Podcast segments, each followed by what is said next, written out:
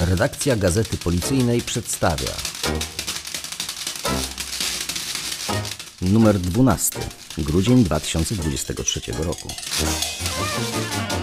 A w świątecznym numerze, drodzy czytelnicy, zapoznacie się przede wszystkim z naszym głównym materiałem o Krajowym Centrum Informacji Kryminalnych. Piotr Maciejczak, zastępca redaktora naczelnego. Bardzo tajemnicza jednostka. E, Nazwa może nie brzmi specjalnie tajemniczo, wręcz troszeczkę jak taki zwykły dział administracji, a w rzeczywistości niezwykle ważna. Jeżeli chodzi o zakres przetwarzanych informacji, bardzo utajniona jednostka. O wszystkich szczegółach oczywiście pisać nie możemy, ale korzystając z tego, że stuknęło jej 20 lat funkcjonowania, postanowiliśmy przybliżyć Wam choćby w zarysie to, czym się zajmuje, jakiego typu informacje przedstawia, jakie jest jej znaczenie w procesie wykrywczym nie tylko policji, ale w zasadzie wszystkich służb policyjnych w Polsce, ponieważ informacje, które przetwarza i przekazuje, wykorzystywane są praktycznie przez wszystkie służby mundurowe w Polsce i nie tylko mundurowe. Niestety mamy w tym numerze, pomimo że takim pozornie wesołym, grudniowym, świątecznym, mamy też bardzo smutne wieści związane ze śmiercią na służbie w wyniku bandyckiego zamachu dwóch naszych kolegów, funkcjonariuszy z Wrocławia, z pionu kryminalnego, aspiranta sztabowego Daniela Łuczyńskiego i aspiranta sztabowego Ireneusza Michalaka, dokładnie z komisariatu policji Wrocław Fabryczna. W tej chwili nie znamy jeszcze dokładnie przebiegu zdarzeń. To dopiero będą ustalały służby, no nasze służby, oczywiście prokuratura, ale jedno jest pewne, niezależnie od tego, jaki był przebieg zdarzeń, winny jest ich śmierci przede wszystkim bandyta, który wyjął broń i świadomie strzelał, by zabić. Będziemy o nich zawsze pamiętać i miejsce w naszych sercach będą mieli na zawsze.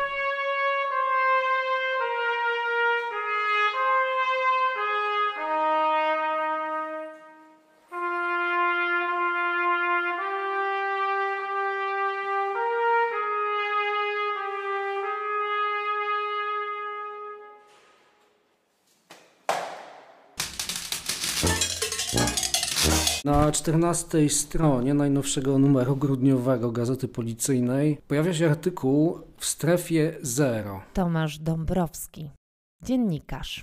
Zdjęcie, które rozpoczyna ten tekst, jest dosyć intrygujące, bo na pustej zielonej polanie widać kogoś w skafandrze, jakby płetwonurka, może kosmity z jakimiś dziwnymi przyrządami w rękach to pirotechnik CBŚP w kombinezonie antyodłamkowym, który waży kilkadziesiąt kilogramów. I o czym jest ten tekst? O tym, co ten człowiek robi, jakie są jego zadania, co w tym kombinezonie zamknięty w środku widzi, jak słyszy, jak się czuje, jakie są jego wrażenia, jak odbiera rzeczywistość, jak współdziała z grupą.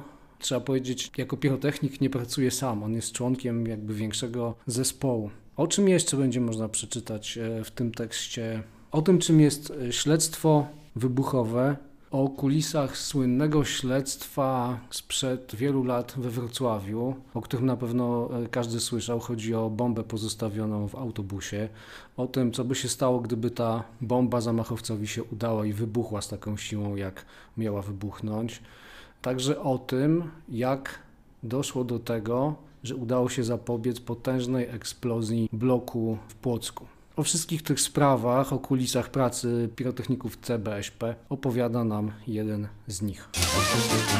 Tym razem w Pitawalu historia kryminalna zatytułowana Przestępca i tłum. Elżbieta Sitek, dziennikarka. Właściwie chciałabym zacząć od tego, skąd taki tytuł, ponieważ jest to dość nietypowa historia, artykuł powiedzmy w Pitawalu. Pisałam go nie w oparciu o akta policyjne czy prokuratorskie, o rozmowy z policjantami prowadzącymi sprawę, a przede wszystkim w oparciu o film z wizji lokalnej, która została przeprowadzona na miejscu zbrodni. Dzięki czemu na tym filmie mogłam obserwować nie tylko zachowanie sprawcy podejrzanego, ale też reakcje ludzi zgromadzonych na miejscu prowadzenia tej wizji bo chociaż y, wizja, która odbyła się trzy miesiące po zbrodni, była utrzymywana w pełnej tajemnicy, to kiedy ekipa prokuratorsko-policyjna pojawiła się na miejscu zbrodni, natychmiast zgromadził się tłum ludzi i ich agresja wobec podejrzanego była bardzo widoczna. Cały przebieg tej czynności kilkudziesięciu policjantów musiało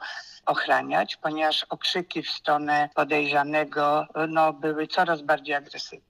Sprawa dotyczyła zabójstwa. To się w ogóle zdarzyło 30 lat temu, koło Ostrowi Mazowieckiej. W drugi dzień świąt dziewczyna wracająca o drugiej czy trzeciej w nocy z dyskoteki w sąsiedniej miejscowości, niedaleko swojego domu, została najpierw zaczepiona, a potem zaatakowana przez czterech mężczyzn, którzy obezwładnili ją, dokonali zbiorowego gwałtu, a potem zamordowali. Zwłoki znalazła matka, bo wszystko to było niedaleko jej miejsca zamieszkania, jakieś 300 metrów.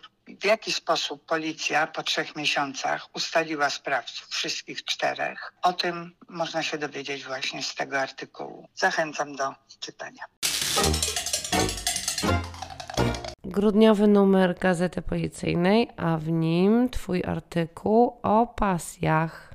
To będą wyjątkowe pasje dla mnie wyjątkowe, ale może nie tylko dla mnie, bo to będą pasje policjantów pokazane przez pryzmat najbardziej popularnych pojazdów produkcji polskiej. Krzysztof Chrzanowski, dziennikarz. Taki pryzmat, gdzie się przewinie znana wszystkim motorynka, czyli Romet Pony, WSK, a nawet więcej WSek, gdzie będą maluchy z pięknej kolekcji i będzie też syrenka a nawet będą ciągniki. I ciągnik też mi nagrałeś? Ciągnika ci nie nagrałem, bo mój rozmówca nie uruchomił tego traktora, tych dwóch traktorów, żadnego z nich, ale uruchomił syrenkę, powiem powiedzieć syrenę 105L, bo syrenka to może być warszawska, chociaż ta syrena też jest warszawska. I ten dźwięk będziesz mogła wykorzystać.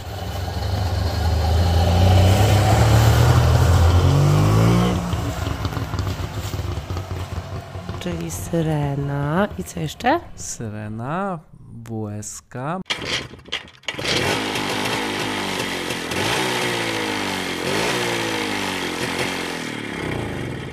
Motorynka.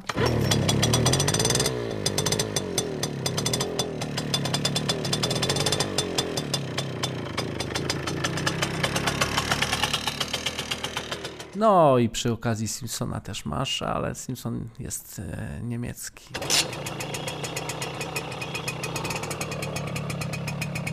Niemiecka precyzja, tak. I to, to, to zawsze odpali. 3-4 miesiące stoi.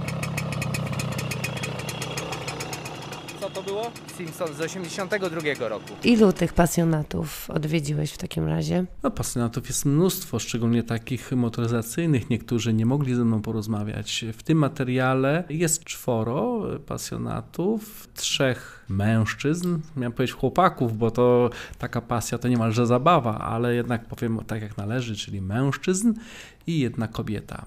Co ciekawe, kobieta ma najbardziej imponującą kolekcję pojazdów produkcji polskiej. Z ciągnikiem włącznie. Nie, ona ciągnika nie ma, ale podpowiem, co może zachęci czytelników, że trzyma motorowery w swoim salonie. Dużo zdjęć? No trochę mam tych zdjęć, to prawda, natomiast e, jest ich zbyt mało, bo ci ludzie pojazdy swoje na zimę chowają pod cieplutkim kocykiem. No i nie każdy zdecydował się na to, żeby je wyjąć spod tego kocyka i uruchomić. No ale trochę mam tych zdjęć.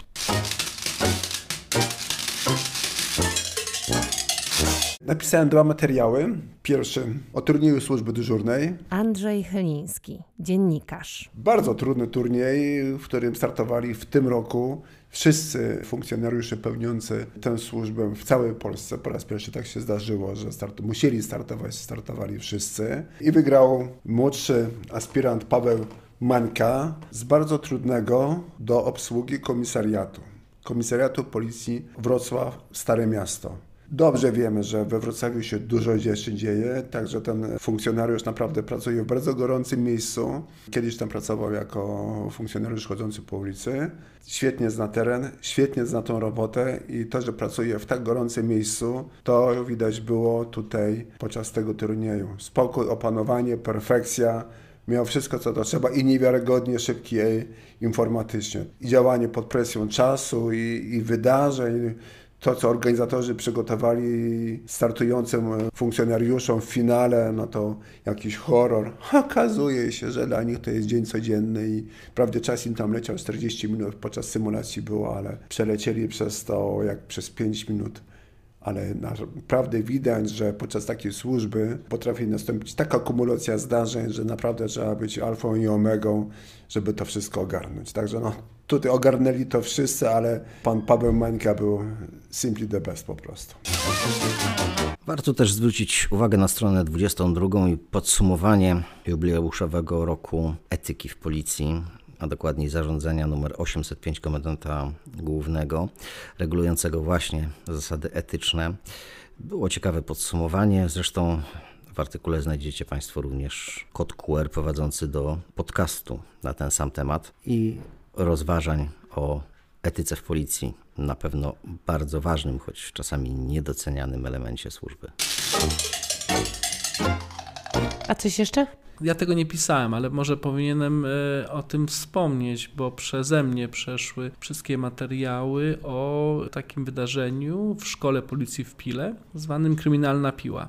To są spotkania miłośników kryminałów, polskich pisarzy i też osób, które chcą spróbować swoich sił w tym kierunku. W szkole policji w Pile jest to wydarzenie organizowane już od kilku lat. I w naszym czasopiśmie, w numerze grudniowym jest opis ostatniego wydarzenia. A drugi materiał jest to sprawie, którą przez chwilę żyła chyba cała Polska, może i więcej, bo na dzień przed wyborami parlamentarnymi w Polsce na placu Piłsudskiego w Warszawie, na pomnik, wydarł się mężczyzna i z nim rozmawiali negocjatorzy. I właśnie o tych negocjatorach, o tym jak to wyglądało ten ich dzień, co się tam działo, jest ten materiał. Naprawdę, to, że się skończyło szczęśliwie dla wszystkich, to też jest zasługa tych ludzi i oni pokazali naprawdę, jak nasza policja, jak nasi policjanci, funkcjonariusze potrafią działać sprawnie, jaka to jest fachowa służba, jakimi oni są specjalistami. Szacunek dla tych ludzi, bo za sprawą ich spokoju, wyszkolenia widzieli, jak z tym człowiekiem rozmawiać, zszedł sam poddał się. Nie trzeba było używać wobec niego jakichś bardziej drastycznych środków.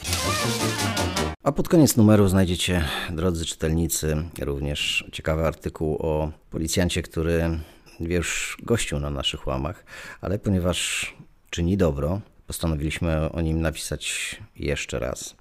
Tomasz Dzierga, zapalony rowerzysta, który rowerem pokonuje niesamowite po prostu odległości w bardzo szczytnym celu zbierania środków na leczenie chorych dzieci. Materiał na stronie 48 na pewno warto przeczytać.